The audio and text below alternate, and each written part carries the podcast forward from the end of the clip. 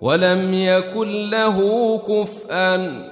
أحد قل أعوذ برب الفلق من شر ما خلق ومن شر غاسق إذا وقب ومن شر النفاثات في العقد ومن شر حاسد إذا حسد قل أعوذ برب الناس